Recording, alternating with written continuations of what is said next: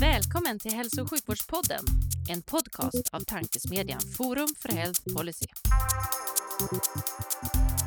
I den här podden möts frågor om hur vi kan få bättre hälsa med frågor om vilken politik som krävs. Det kommer bli samtal om personcentrering, ledarskap, digitalisering, organisation, politik och mycket mer.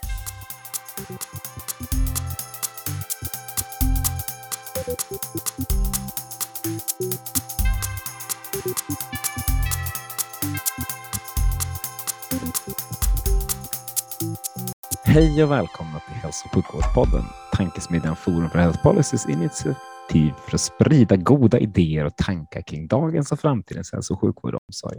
Jag heter Magnus Lejelöw och arbetar i vardags för Colivia, men är även styrelseledamot i Forum för Health Policy. Olivia, du sitter ju som vanligt vid min sida, trevligt nog.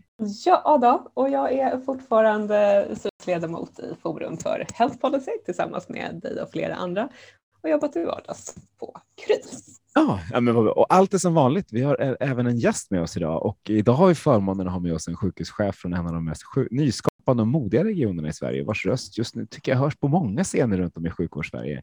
Varmt välkommen Caroline Samuelsson. Tack så hemskt mycket. Eh, och vi har lite trassel med uppkopplingar vi märkt, men vi tror att det här ska gå bra ändå, så vi håller alla tummar för en grym podd. Eh, och då, men jag tänkte jag kastar mig direkt in i, i, i, leken och då ställer vi frågan till dig. Hur tror du att svensk hälso och sjukvård ser ut 2040?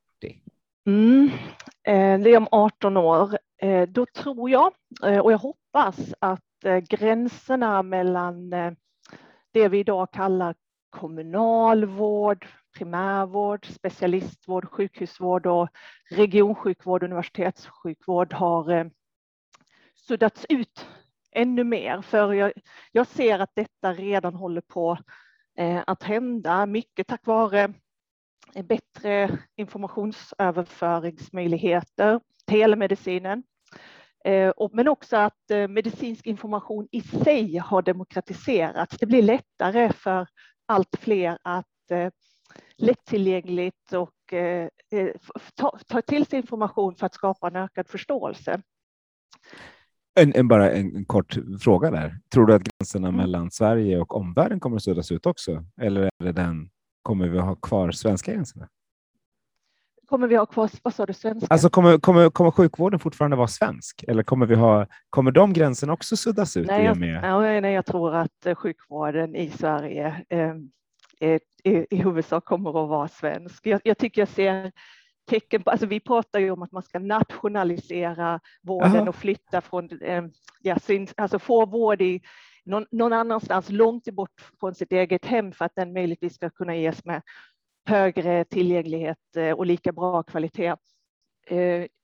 Jag ser problem med det, alltså i verkligheten. Jag ser att många patienter eh, vill gärna få sin vård så nära sin egen livssituation som möjligt. Alltså vi har, jag har exempel på när vi har kunnat erbjuda ett snabbare besök i, i på vår systersjukhus eh, tomt inom, vår, inom Region Halland. Och man är tveksam till det och man, man stannar gärna kvar i en kö någon månad till för att kunna, du vet, kunna cykla, cykla till sitt mottagningsbesök istället för att eh, åka bil eller kollektivt. Så jag tror att eh, jag, jag utesluter inte att vi kanske liksom exporterar vissa vårdbehov, men inte i storskalighet. Det tror jag inte. Jag var bara tvungen att fråga ja. när du började riva gränser, tänkte då kanske vi ser hur många vi kan riva. Nu ska du få fortsätta prata, nej. för du hade så bra flyt innan jag började komma nej, här och avbryta. Okay. um, nej, men, nej, men jag, jag tror att Eh, det kommer ske och, och det kan ju vara så att det åtföljs av en, en, en reform som främjar det. Jag tror att det finns en poäng att eh, börja titta på, alltså titta på kompletta hälso och sjukvårdssystem som kan erbjuda på ett högkvalitativt sätt, men också på ett resurssnålt sätt eh, de behov som finns eh, i, i befolkningen utan att nödvändigtvis behöva ha för vi har ju ganska olika organisationsformer och olika villkor och det hänger delvis i dagsläget ihop med olika ersättningssystem. Mm. Det tycker jag blir en väldigt smidig övergång till eh, vad du skulle vilja sno från andra hälso och sjukvårdssystem i världen för att förbättra den svenska hälso och sjukvården och varför? Finns det några exempel där andra länder applicerar det här mer eh, kompletta eh, vårdsystemet till exempel som vi skulle kunna lära oss från eller behöver vi uppnå något nytt här? Ehm, nej, men eh, jag, jag tänker det många lyfter fram. Eh, det finns system där man eh, kanske tydligare styr på utfall, vilken effekt, vad som ska åstadkommas. Ehm, Nederländerna är ett exempel inom sin, det de kallar primärvården eller första, första linjens vård. Jag är också Eh, imponerad över den förflyttning Danmark har gjort när de har blivit, varit väldigt tydliga med att eh, utredningstider och tid till behandling för potentiellt livshotande sjukdomar, jag snackar cancer, eh, att, att man ändå har fått en ganska snabb utväxling och result, resultat där. Men sen om, om man tittar, gör en liksom internationell utblick så är jag, eh, jag skulle lyfta fram, det finns, eh, det finns exempel Eh, utanför eh, Sverige eh, där man har varit väldigt duktiga att visa på att man kan skapa mycket hälsa med betydligt mindre resurser än det vi i Sverige just nu har förmånen att ha tillgång till. Ehm, det finns exempel från Indien och från Nordamerika där man ehm, genom att ha koll på sina resultat och genom att eh, tillåta människor jobba i vården med väldigt intensiv träning och handledning kunna leverera vård eh, i världsklass, eh, för de gör mycket av det, de gör det standardiserat och jag kommer tillbaka till det. De har stenkoll på sina eh, resultat. Eh, det finns, det finns aspekter i vår vårdarbetsmarknad i Sverige idag som gör att vi, det är svårt för oss att, och det är dels mentalt och det är dels delvis regulatoriskt som gör att svårt att, eh, vad ska jag säga, dra nytta av att här finns människor som definitivt har förmåga, vilja att kunna eh, bidra eh, i, i hälso och sjukvården. Det tar väldigt lång tid, inte minst eh, individer som kommer från en sjukvårdsbakgrund eh, från andra länder, att komma in eh, i vårt system.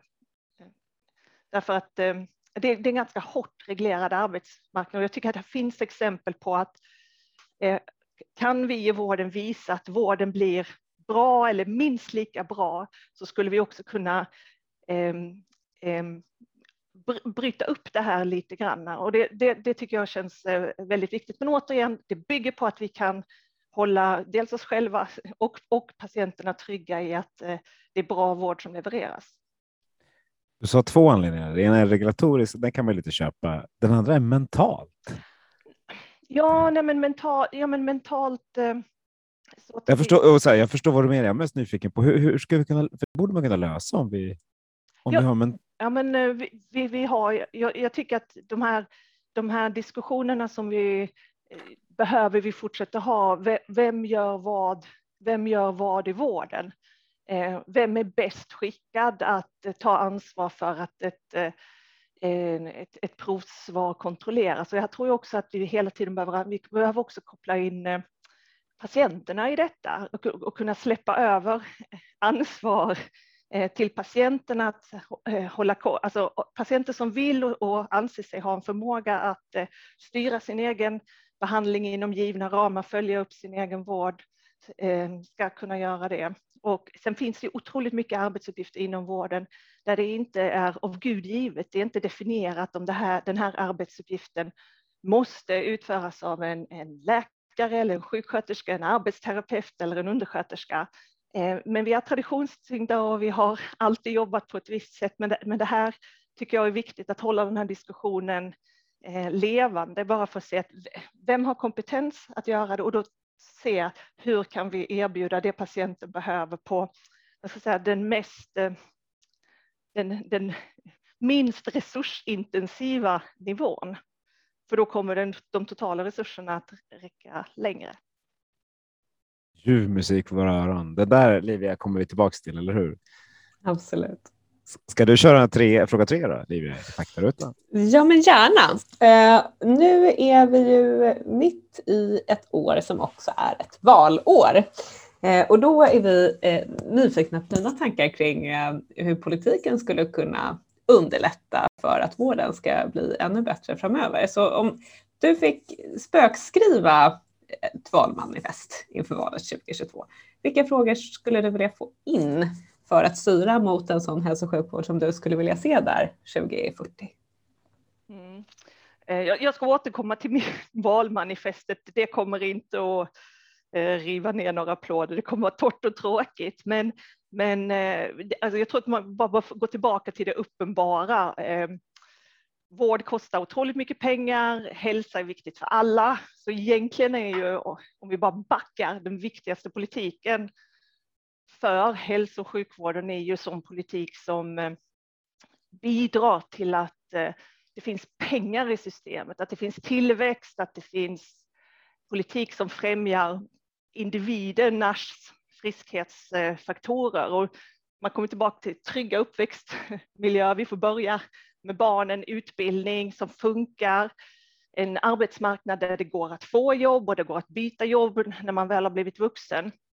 Eh, alltså allt det där som, som gör att det finns en gemensam kaka från vilken eh, välfärden eh, ska kunna finansieras.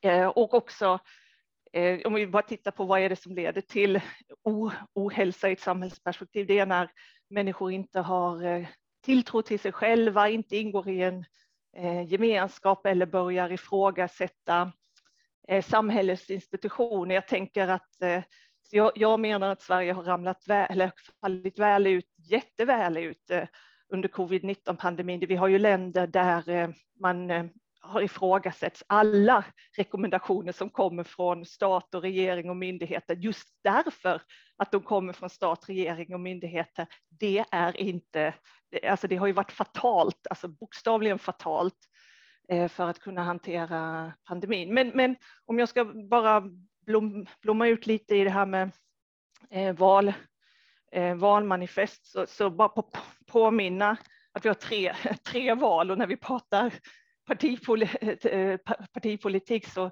så tänker jag att man ofta kanske tänker på den, den nationella valet eh, till riksdagen. Och, och jag skulle tänka så att om jag ska fokusera lite på det så skulle jag gärna se ett fortsatt, för det finns ett fokus på det, men ett fortsatt starkt eh, fokus på lagstiftningsuppdraget. Ehm, det är eh, det finns väldigt mycket lagstiftning och efterföljande författningar som påverkar hälso och sjukvården ehm, idag och jag tänker att eh, här, eh, det har inte riktigt hängt med i utvecklingen. Vi som har som jobb att bedriva och utveckla hälso och sjukvården, vi famlar. Här finns, eh, det är svårt med uttolkning, det är svårt att få vägledning.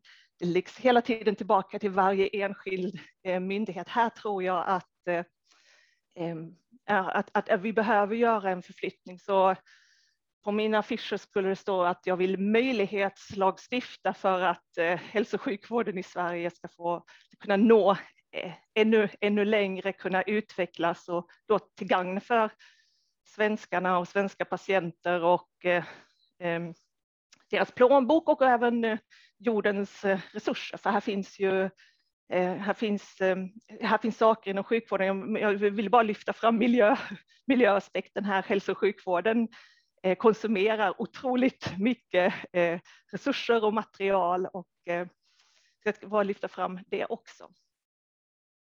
Det är inte lätt och det är väl det som är vårt lilla problem, att det blir lite osexigt för eftersom det är svåra frågor och stora, stora perspektiv. Alltså alla saker du har sagt är jätteviktiga, men de, de blir kanske, det, valaffischmässigt är det svårt att få plats med alla ord där.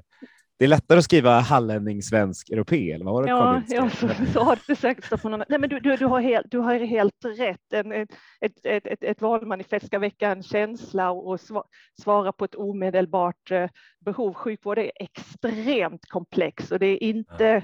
därmed inte lämpligt för eh, eh, plakatpolitik. Jag är ju i, i detta sammanhanget en, en varm an, anhängare av liksom teknokratin. Att, att, eh, att eh, vi som, vi som har som jobb att, att vara djupt eh, insatta och, och kunna relativisera och hålla flera bollar i luften, att vi, vi har en väldigt viktig roll att, eh, alltså vi som är tjänstemän ska att, att eh, skickliggöra, att lyssna av politiken och att också kunna få förtroende att vägleda eller rekommendera vilka, vilka steg eller satsningar som, som kanske är skulle kunna vara lämpliga om man, om man vet åt vilket, vilket håll man man vill gå eh, utifrån olika ideologier. För jag menar, partipolitik kommer ju eh, ibland i alla fall ifrån liksom, ideologiska övertygelser.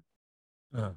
Ja, för vi ställer frågan till, till, alla och alla har olika svar, men ganska avancerade svar på, på många sätt och vis. Och så när man tittar på valaffischerna så står det till slut korta köer. Alltså det, det blir ju sådana saker som liksom är konsekvenser av en väldig massa beslut om, om datalagring och om datadelning och annat som ju vi går igång på. Vi nördar på sjukvårdsområdet, men, men det blir inte så mycket politik av det. Ja, det är bra. Vi, eh, vi, vi återkopplar även till den, för det här är, det är en sån här eh, spännande del, men vi måste ju knyta ihop vår, vår eh, faktaruta. Och Eh, det måste vi inte alls, men vi vill knyta ihop den. Eh, och, och, du har redan varit inne på det, eh, vikten av, av patientmedverkan och, och upplysta patienter, så vi tänkte fråga dig om din finaste patientanekdot. Mm, då, då tänker jag ta en anekdot som eh, är fin för den lyfter fram värdet av både trygga patienter och trygga vårdgivare. Eh, nu höjde du, höjde du förväntningarna. Ja, okay, Nej, men det, den här anekdoten börjar med ett, ett väldigt fint brev som jag fick från en eh, mamma. Två veckor tidigare så hade jag sövt hennes sjuåriga son. Han hade opererats massor med gånger. Han hatade sjukhus, han hatade doktorer för han eh, var rädd. Och, och, I det här brevet så beskrev mamman hur tacksam och lättad hon var att eh, sonen hade varit trygg och glad ända tills han slocknade på operationsbordet. Och sen så avslutade hon sitt brev till mig med en brutalt, eh, en brutalt ärlig mening som gick rakt in i hjärtat, för hon skrev så här. Och doktor Samuelsson, jag måste erkänna att jag hade vissa tvivel eftersom du är utlänning. Och detta, hon skrev sitt brev på engelska, för den här händelsen ägde rum för några år sedan när jag jobbade som fellow på ett barnsjukhus i Australien. Och, och, i två månader, för jag hade varit där två månader, hade jag kämpat som ett djur för att förstå kulturen, arbetssättet. Jag hade försökt ändra mitt sätt att prata. Ehm, så att eh, jag pratar både med kollegor och patienter. Och då, ska man inte säga, då får jag också säga att jag hade otroligt fina förutsättningar att fungera i ett anglosaxiskt land. Jag har läst gymnasiet i Storbritannien, jag har bott ett år eh, i Indien, men eh, det var alltså trots de, för, liksom de förutsättningar och försprången måste jag säga, så var jag oerhört frustrerad när jag då förväntades kunna utöva min profession. Eh, i ett annat eh, sjukvårdssystem. Och det är inte så himla annorlunda, men det var ändå jobbigt. Så, så det som hände då, alltså jag blev så fruktansvärt medveten eh, och jag fick en, tror jag, djupare förståelse för hur, hur, hur svårt det är för när vi tar emot kollegor som har en annan bakgrund, som inte är utbildade i Sverige och som kanske inte kan koder och nyanser, hur, hur jobbigt och hur tröttsamt det är och också vad det gör med en själv som, som människa, för man, man vill ju göra väl, man vill kunna utföra sitt jobb och sin funktion på det bästa sättet så att patienterna är nöjda, så det inte spelar någon roll att man liksom inte pratar med den, den mest lokala eh, dialekten. Eh, så det, så det, det är nog, det, det, jag tycker det är en fin patientanekdot, men det händer också någonting med min egen eh, insikt kring eh, Alltså det, det var ett, du vet, i, i det svenska sjukvårdskontextet så är jag så oerhört eh, självklar. Jag, jag, jag, jag, jag kan de rätta orden och jag, jag kan samhället. Jag har levt i Sverige hela mitt liv. Så eh, det, det var min anekdot. Och så var jag såklart jätteglad att, eh, att en, en, en mamma hade blivit glatt förvånad och en, en son kanske inte hade lika stor rädsla nästa gång han skulle komma tillbaka, för det skulle han tyvärr. Ja, fin anekdot. Det är också roligt att säga att du bott i Sverige hela ditt liv när du just sagt att du ja, pluggat det. i England ja, men... och Indien och Australien. Ja, ja men huvuddelen, huvuddelen ja, av mitt liv. Jag förstår precis hur du menar. Det var, men, men var en jättebra anekdot och den belyser också det svåra i att vara eh, komma från ett annat land och att ta sig in i någonting. Jobbet. Mm. Ja, ni på jobbet. Det är, usch, det är jag nu. Det är jättesvårt och jätteroligt. Det, det är som man måste vara ibland också. Eh, eh, jo, vi, har, som vanligt när vi börjar med den här faktarutan så kastar vi oss in och pratar om massa saker och så kommer vi på att vi kanske måste prata lite om dig också. Eh, för det vill, vi vill att våra lyssnare ska veta, veta ännu mer om dig. Carolina, vem är du? Eh, du får välja om du vill vara privat eller, eller yrkesmässig eller båda. Ja, okay. Nej, men jag är ju eh, som, som du inledde med. Jag, jag tänker att jag är här eh, i min roll som eh, sjukhuschef. Min formella titel är förvaltningschef, men jag använder oftast sjukhuschef för det är inte så många som eh, är supertrygga med vad en förvaltning är. Ehm, men min eller vår organisation eh, är ansvarig för att bedriva all eh, offentligt driven somatisk specialistvård i Halland och vi gör det i Kungsbacka, Varberg och Halmstad. Jag har en, eh, en alltså, jag började plugga medicin i, i mitten på 90-talet och sedan dess så har eh, eh, mitt yrkesliv präglats av en salig blandning av eh, forskning, eh, utbildning och eh, kliniskt arbete. Jag har gjort några sessioner utomlands ehm, Eh, hade också ganska tidigt då i 20, 30, 20 och 30-årsåldern förmånen att lite som ett sidouppdrag vara med och ta ett eh, patent vidare till, alltså kommersialisera ett patent till en medicinsk teknisk produkt. Det var, det var jätteintressant. Eh, Jag har jobbat i flera regioner i Sverige, Uppsala och tagit vara på möjligheter Eh, som har givits mig, men också befunnit mig i väldigt utmanande situationer som har varit väldigt, väldigt lärorika.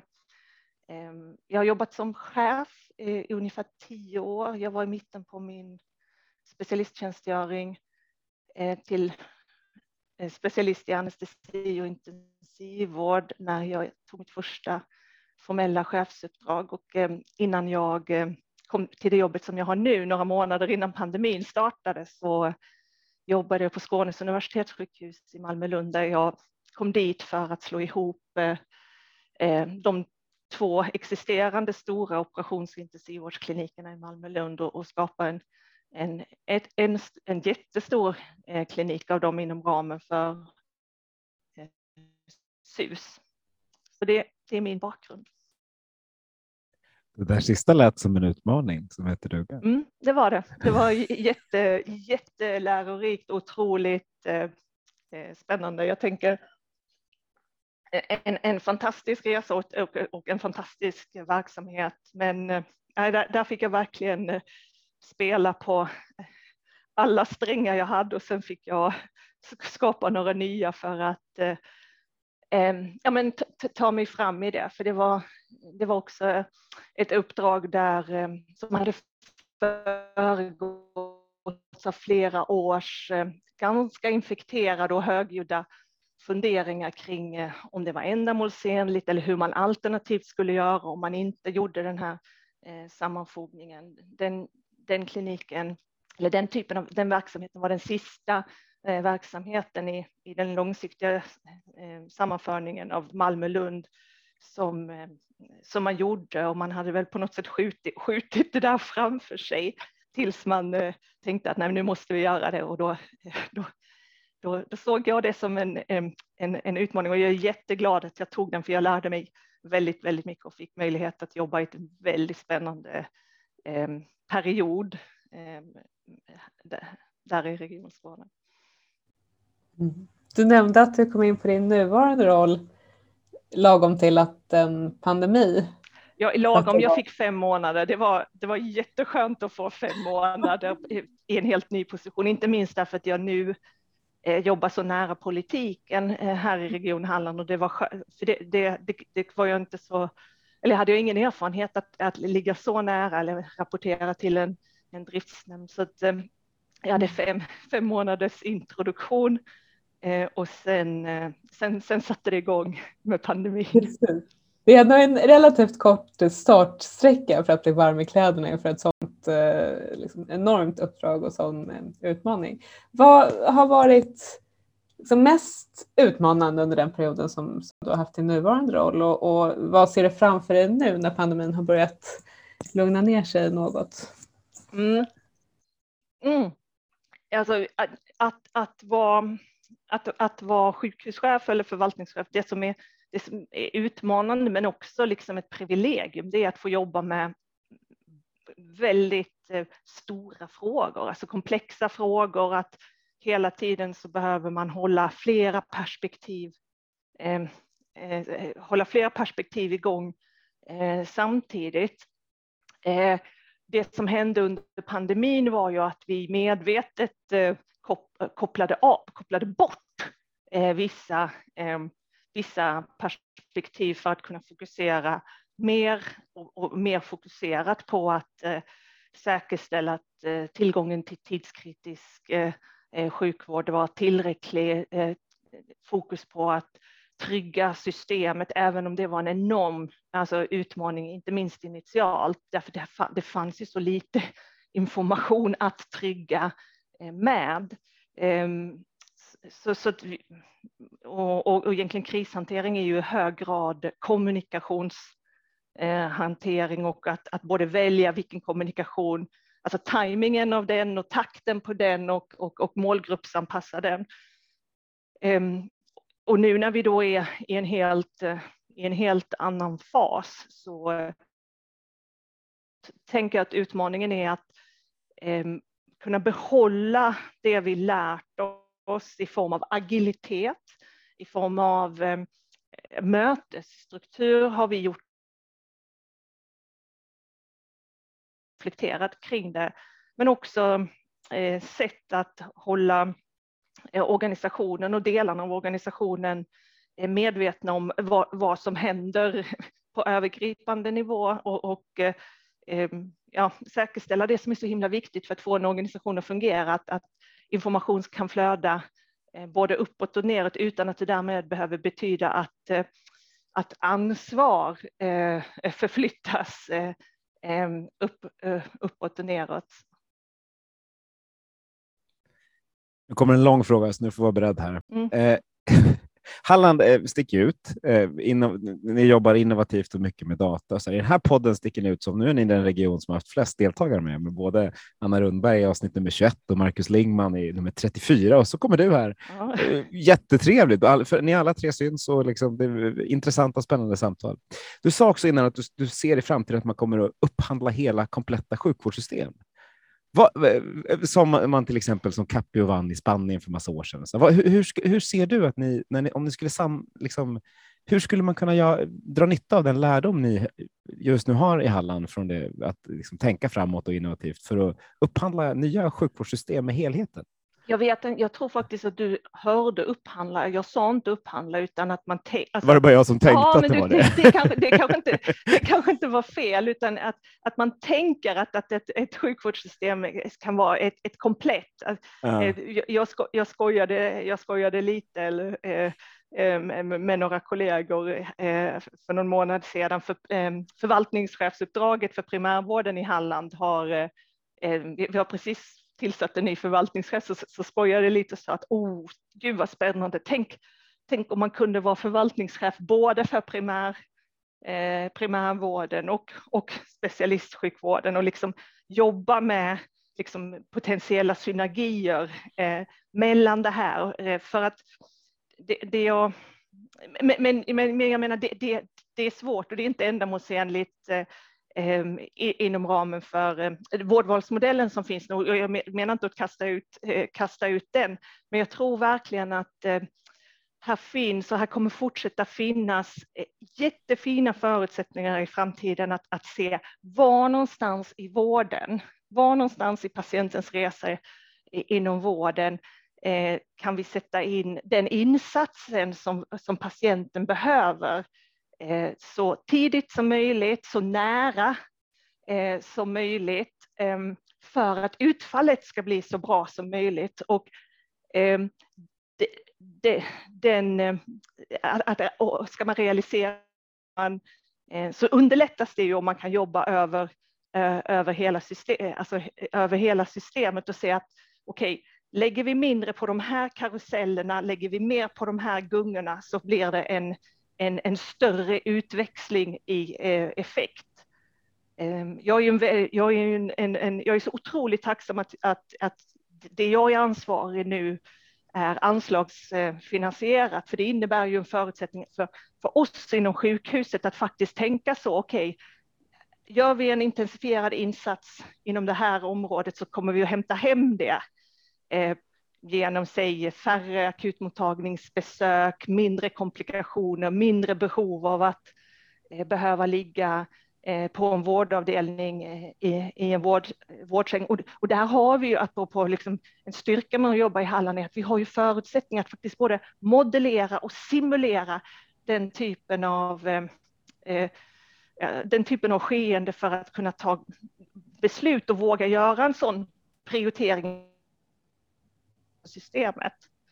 Och kommer man från liksom en, en forskningsbakgrund där man, där man gärna vill veta så mycket som möjligt innan man börjar gå in och pilla eller styra så är det ju det är, det är enormt inspirerande men det är också det är också väldigt värdefullt så att vi inte styr, så vi inte styr fel eller hänger med i den här, eller jamsar med, ska jag säga, inte hänger med, jamsar med i den här publika debatten och apropå snabba lösningar och valaffischer eller, eller veckans moderna narrativ om vad vården verkligen behöver eller vad som är viktigast för, för patienterna. Mm. Du var inne redan i, inledningen där kring eh, liksom hur hälso och sjukvården kommer att utvecklas eh, kommande 18 åren här. Eh, på det här med att eh, gränserna mellan olika så att säga, vårdnivåer suddas ut i, i allt större utsträckning. Och två delar som du nämnde var dels informationsöverföring som en viktig nyckel och så sa du, och eventuellt någon reform eller några reformer. Eh, tror du att det, vad gäller liksom informationsöverföringen, där pågår det också otroligt mycket eh, vad gäller att implementera nya vårdinformationsmiljöer, till exempel runt om i landet. Eh, vad är din bild av, av, hur det här går? Är vi liksom, eh, kommer vi stå väl rustade med den tekniska infrastrukturen för att möjliggöra de här utsuddade gränserna?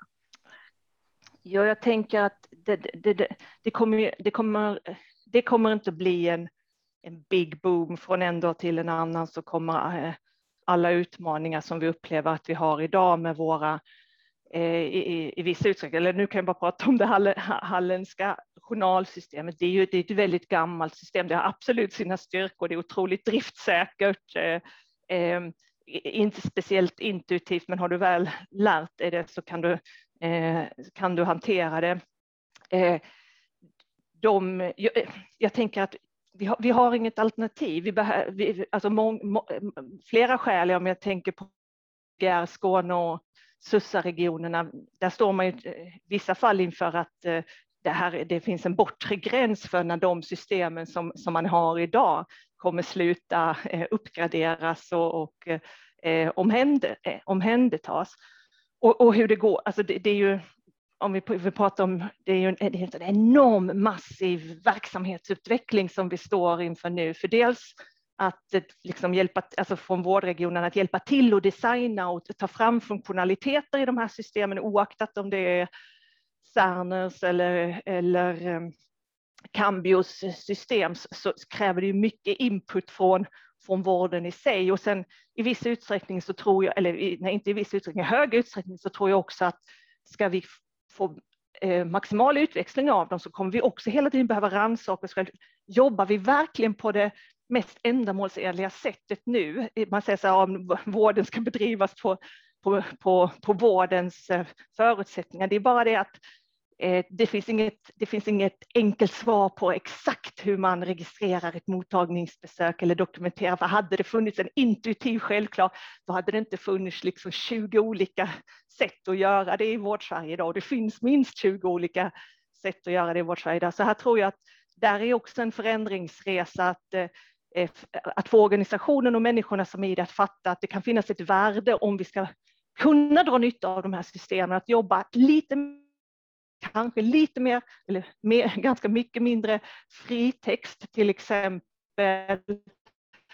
Att vi får acceptera att systemet kommer att påminna oss om inte en, eh, säga, en nödvändig information är, eh, är ifylld, även om vi tycker att den är inte av relevans eh, för just det jag som sjuksköterska eller läkare håller på med just nu. Mm. Ett annat område som är eh, lite grann kopplat till det här men som du också varit inne på mycket, eh, som har samma ansats och ambition som den du har beskrivit, det är omställningen till, eh, till god och nära vård. Eh, hur ser du att, att det arbetet går? Hur arbetar ni med det i, i Halland och hur, hur kan man så att säga, få fart i, i just det som ju är ambitionen, stärka primärvården och sudda ut gränsen? Livia, det glitchade där. Kan du bara ställa frågan? Handlar den om nära vård?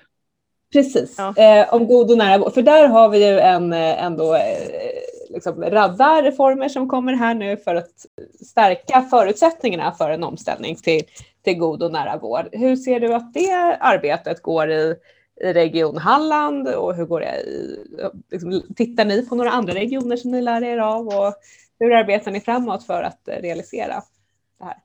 Nej, men jag tänker att vi, vi är ju ganska många, alltså alla försöker ju ha en, en, en utblick och följa eh, dels de utredningar som har gjorts och, och eh, här finns ju en, en, en, eh, ett mycket eh, kommunikationsmaterial eh, eh kring god, eh, god och nära vård. Sen kan man ju fundera på eh, är om det är en omställning till det, vad, vad har vi nu? Har vi en icke-god eh, har vi en icke-god vård eh, nu. Jag, jag, jag, tycker egentligen, och det är lite i linje med det, det där som jag försökte inleda med, att, att hela tiden sträva efter att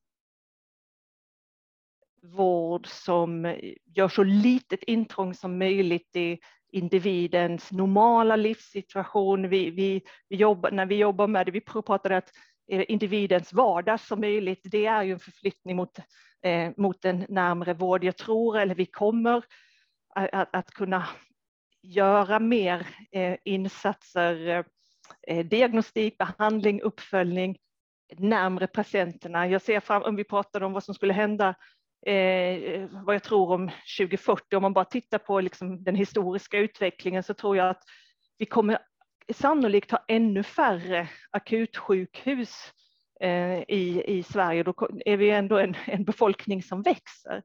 Eh, alltså om, nu pratar vi helt kompletta eh, akutsjukhus som kan du vet, omhänderta eh, det mesta eh, eh, dygnet, dygnet runt. Jag tror att det kommer vara en konsekvens om vi lyckas med att eh, utnyttja de tekniska förutsättningarna som finns, klara av det här informationsöverföringen, eh, på ett säkert och integritetssäkert sätt involvera patienterna. Det, för det för mig är en förflyttning mot, eh, mot en, en närmre vård.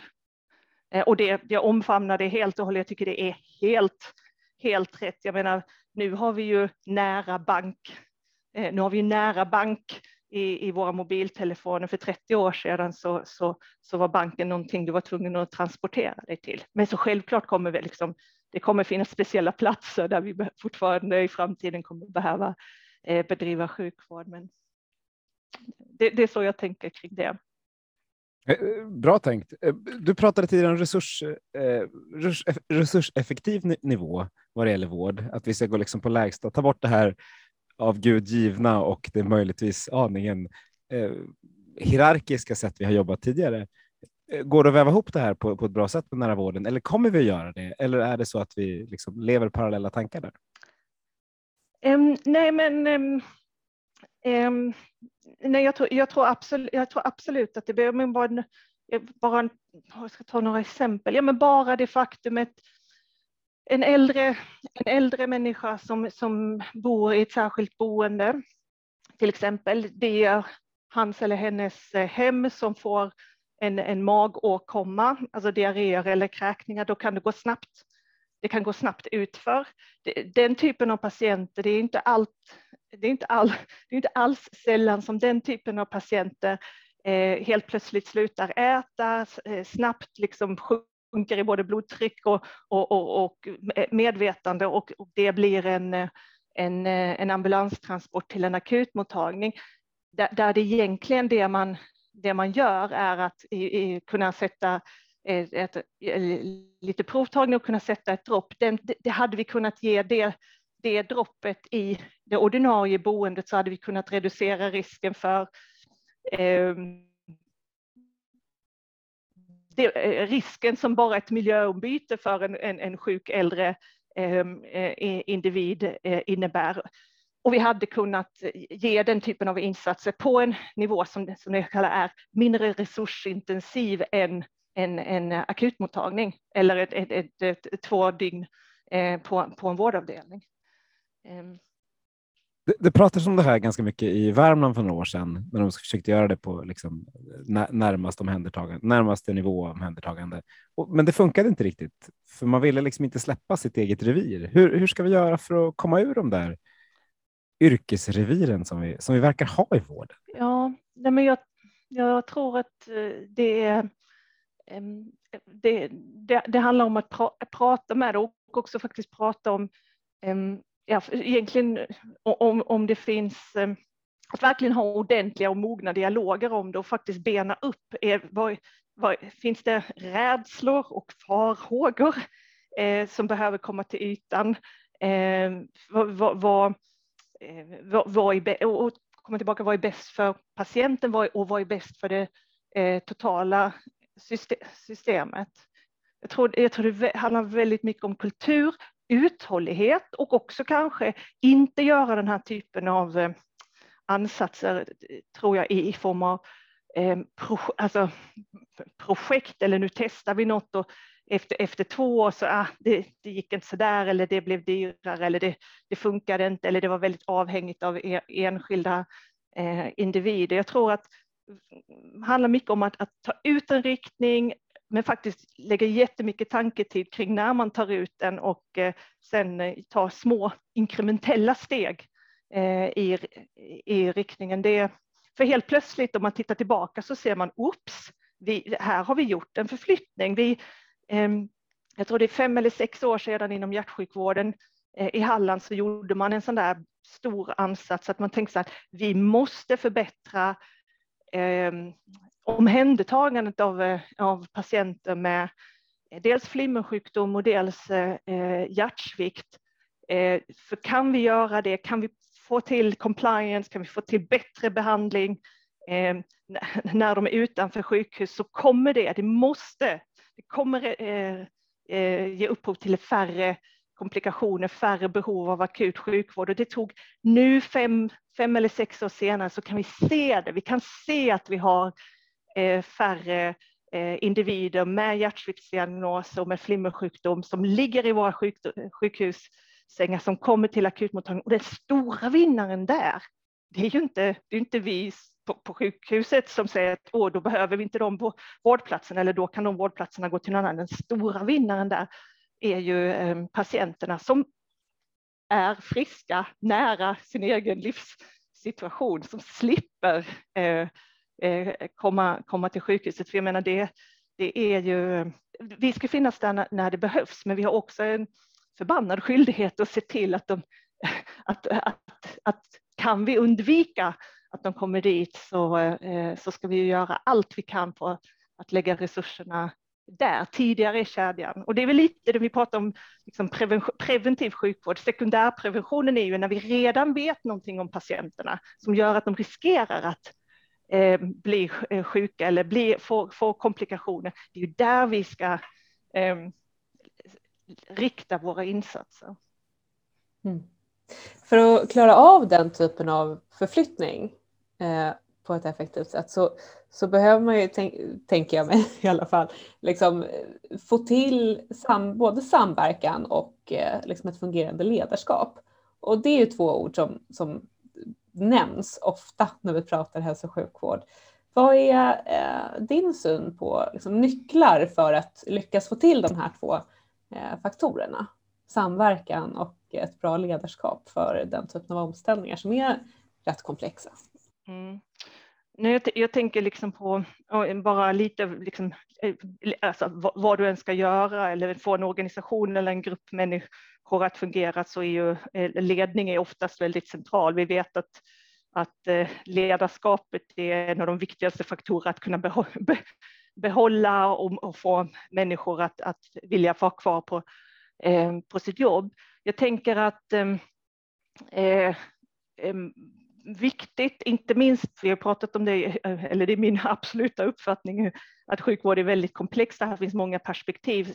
Jag tror att ska du jobba som, eh, som, som eller ska du vara framgångsrik ska jag säga, som, som ledare i hälso och sjukvården så behöver du vara eh, alltså intresserad av att, att, att bredda dina perspektiv.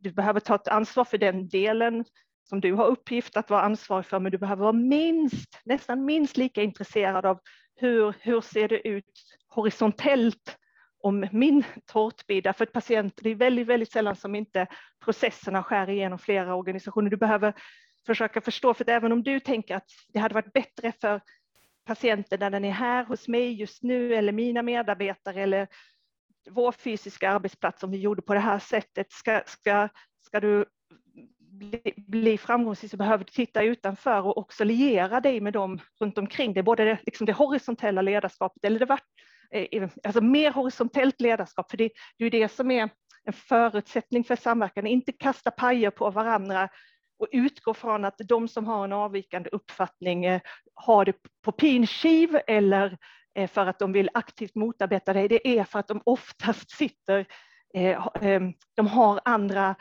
perspektiv och då har alla en, en skyldighet att alltså dela varandras skor tänkte jag säga, men, men att, att, att försöka förstå det, för det är liksom i de gatten, det är de, ja, det, det här som är oklart om det är mitt mandat eller ditt mandat, det är där magin kan uppstå. Eh, om, om man verkligen tar sig tid och tittar på, okej, okay, hur kan vi lösa ut det här tillsammans? Och det, är jätte, det är jättesvårt, för det är också lite så här psykologiskt svårt för oss, för att vi vill ofta definiera vår grupp eller vår, i förhållande till någon annan, för det, för det är så mysigt och härligt att, eh, att, att prata om oss eh, och sen de, de andra som, eh, som gör att vi inte lyckas. Sant. Jag som har en, en tonårig hockeyspelare hemma hoppas att det där med skorna bara var bildligt och inte bokstavligt. Man vill inte dela alla skor. Det var, det var, det var bara bildligt. Ja, vad skönt. Tack, tack. Att, att, att, försöka gå i någon annans skor. Nej. jag fattar. Du, eh, du pratar om hjärtsvikt, att ni började med nu för fem år sedan började ni titta på liksom, strukturerna och processerna och sen nu börjar ni skörda frukterna mm. av att eller framförallt börjar patienterna skörda frukter, mm. men även, även hälso och sjukvårdssystemet. Om fem år, vad, vad, är, vad av det ni gör idag tror du kommer att, kommer, kommer att synas i den halländska vården eh, som liksom något, något som sticker ut? Oj. Um, det är oftast lättare att se vad som hände för fem år sedan, men jag mm. tänker det är roligt att titta framåt. Mm. Eftersom det... Nej, men jag, jag tänker lite, vi, vi, vi är ju precis som alla andra nu, eh, tar tacksamt emot eh, Ehm, du vet, så här, riktlinjerna och, och eh, vägledning från den nationella kunskapsstyrningen till exempel går kring personcentrerade sammanhållna vårdförlopp. Det är ju en bra blueprint eller vägledning kring vad värdet och vinsten av att göra rätt, eh, där, där utfallet ska vara du vet, ökad hälsa och då mindre, mindre risk eh, för eh, komplikationer och en bra upplevelse för patienterna. Eh, sen, sen rasslar ju de eh, vårdförloppen ner på oss med, med en hastighet som eh, ibland så kan man bara konstatera med tillfredsställelse, ja men det är precis så här vi jobbar, eh, bra då, då, då, då, då är det bra, men i vissa fall så har det gjort att vi ser att okej, okay, här, här har vi här följer vi inte eh, det som, det som stipuleras. Så här, här har, tittar vi nu på ja, vissa av dem, jag kan ta bara ett, ett exempel som ett sånt här svårt exempel, för det är en process återigen som rör flera organisatoriska enheter. Det, den, det vårdförlopp som heter eh, vad heter det, osteoporos, sekundärprofylax eh, efter fraktur. Inte liksom lätt att skriva det eh, eh förloppet kanske, jag vet inte, klurigt att eh, implementera, för det är väldigt mycket här, det är många olika involverade aktörer, det är ortopedi, eh, ortopedi det är endokrinologer, det är primärvården, och att, att, att få det att, att funka. Så, så här, eh, vissa av de vårdförloppen använder vi nu som ett, eh, en inspiration för att eh, för, förbättra vårt, våra um, operational services, tänkte jag säga, men vårt, våra arbe, arbetssätt i regionen så att vi eh, når det som vårdförloppen syftar till. Sen, sen är vi ibland lite busiga och, och, och, köper inte allting rakt av. För man får, jag tycker att det kan vara viktigt att påtala att ibland så kommer ju de här vårdförloppen, de kommer ju från nationella experter inom vissa områden. Har du ansvar för ett helt, helt system så kan, så kan du i princip, ibland kan man bara konstatera att alla vill ha mer rehabiliterings eh, eh, insatser. Eh, kunde vi bara ha mer rehabiliteringsinsatser i alla vårdförlopp så helt plötsligt så ser man okej, okay, nästa år får vi, får vi lägga hela vår uppräkning på, på eh, fysioterapeuter och eh, eh, arbetsterapeuter. Det skulle jag gärna göra, men det finns andra, det finns andra behov som, som också måste tillmötesgås. Så här behöver vi försöka jobba smart med hur kan vi återigen med teknik och med informationsdelning, eh, automatisering, robotisering, eh, lösa ut det som vårdförloppen syftar till att, att åstadkomma. Så att, eh, ja, jag, jag ska inte säga, men, men ja, att, att, att kanske också göra en förflyttning och verkligen säkerställa att patienter får rätt, rätt behandling och rätt uppföljning där det, vi har vetenskap som säger att de är i behov av det. Kul område. För typ tio år sedan satt jag med Region Gävleborg och vi hade en workshop om kan man upphandla en obruten höft? Det vill säga kan man kan upphandla innan? Och det var så mm. häftigt och liksom, man förstår hur mycket problem det finns. Mm. Det, är, det är någon som måste sträcka mattor och sanda gator och kanske lite läkemedel. Det var massa olika och träna och så där. Det var massa olika saker som skulle passa in, men som liksom är svårt att få in eftersom de tillhör olika silos. Mm. Mm. Det låter som att ni fortsätter kämpa med den, men mm. har kommit lite längre och då blir man ju varm i hjärtat. Nej, men äh, ja, eller framförallt jag tror, jag tror att det, det, det, här finns det, här finns det mycket att att hämta. Det finns ju säga, enkla förlopp. Du vet, får du en hjärtinfarkt eller en ischemihändelse, då är det ju du bara rasslar in i systemet och beroende på x, y, z variabler så är det den här behandlingen du ska ha. Stenhård kontroll, bra kvalitetsregister.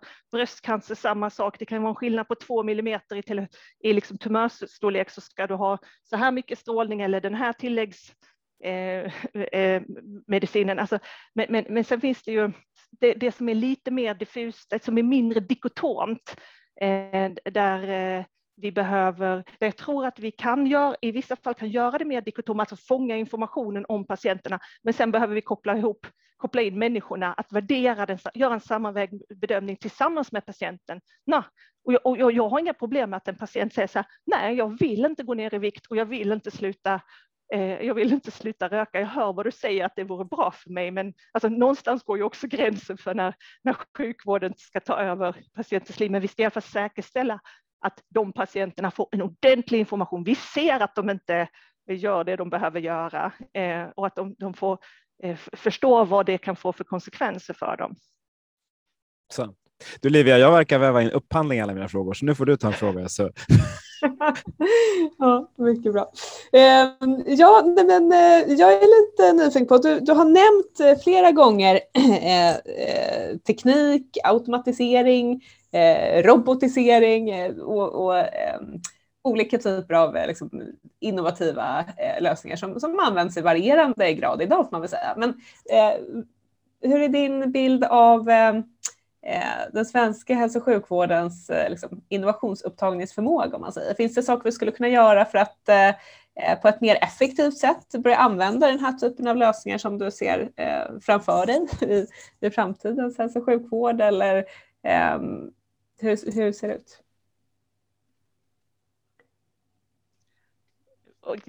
Olivia, du och jag har en glitch i vår relation. Jag tänker att du, du ställer frågan, vad, vad, vad, behöver hända för att vi ska kunna anamma nya sätt att, jobba och vara innovativa? Precis ja, så. Ja. Eh, nej men jag, jag, um, jag tänker en, en, um, jag tror det som behövs och, och där vill jag gärna vara en, en företrädare för. Det är liksom en kombination av alltså, djupt intresse för vad hälso och sjukvård är Eh, Eh, och ett, eh, en nyfikenhet och, och, och, lite ifrågasättande av hur, hur, vi har jobbat innan med ett stort fokus på patienternas behov, alltså verkligen eh, vad, som, vad, som är, vad som är viktigt eh, eh för dem, men också att, att våga pröva, eh, alltså pröva nya sätt. Alltså man har en idé om att vi skulle kunna dra den här slipstenen på ett sätt. Eh, låt, oss, låt oss testa och, eh, och sen följa, alltså följa upp hur det gick och följa upp, alltså går vi i rätt riktning, ser vi negativa eh, följdeffekter av det som vi inte hade kunnat förutse. Okej, okay, kan, vi, kan, vi, kan vi eliminera dem? Eh, jag tror också att eh, ehm, jag, kommer, jag kommer tillbaka till det här att också använda, använda den kunskap som, som, som, som finns i systemet i form av att, att vi nu har så mycket av det som händer i sjukvården är vi kan få tillgång till i form av alltså strukturerad data och om vi kan vi sedan analysera den och korsköra den så leder den till information och informationen kan ge oss insikter. Eh, och, och de insikterna kan, kan hjälpa oss att eh, alltså prioritera, okej, okay, eh, vill vi göra en förflyttning, hur skulle vi då kunna alltså göra kvalificerade hypoteser hur en sådan förflyttning skulle kunna åstadkommas? Eh, och här tror jag också, det, det tror jag att att eh, det offentliga, eh, för det mest jag hävdar det, jag tänker möjligtvis med undantag av Sankt Göran som är ett ganska komplext hälso och sjukvårdssystem i, i privat drift. Det offentliga sitter med Eh, större delen av komplexiteten. Där är det inte alltså, allting. Vi har utbildningsbidraget, vi, har liksom, vi är backup, vi är backupen för eh, eh, den typen av vård som, som privata eh, utförare gör. Vi sitter med komplexiteten så att den information vi sitter på mm, behöver kunna nyttiggöras och kunna också användas för att ta in eh, externa parter. Och det kan vara från näringslivet, det kan vara från akademin, att okay, tänka klokt eh, tillsammans.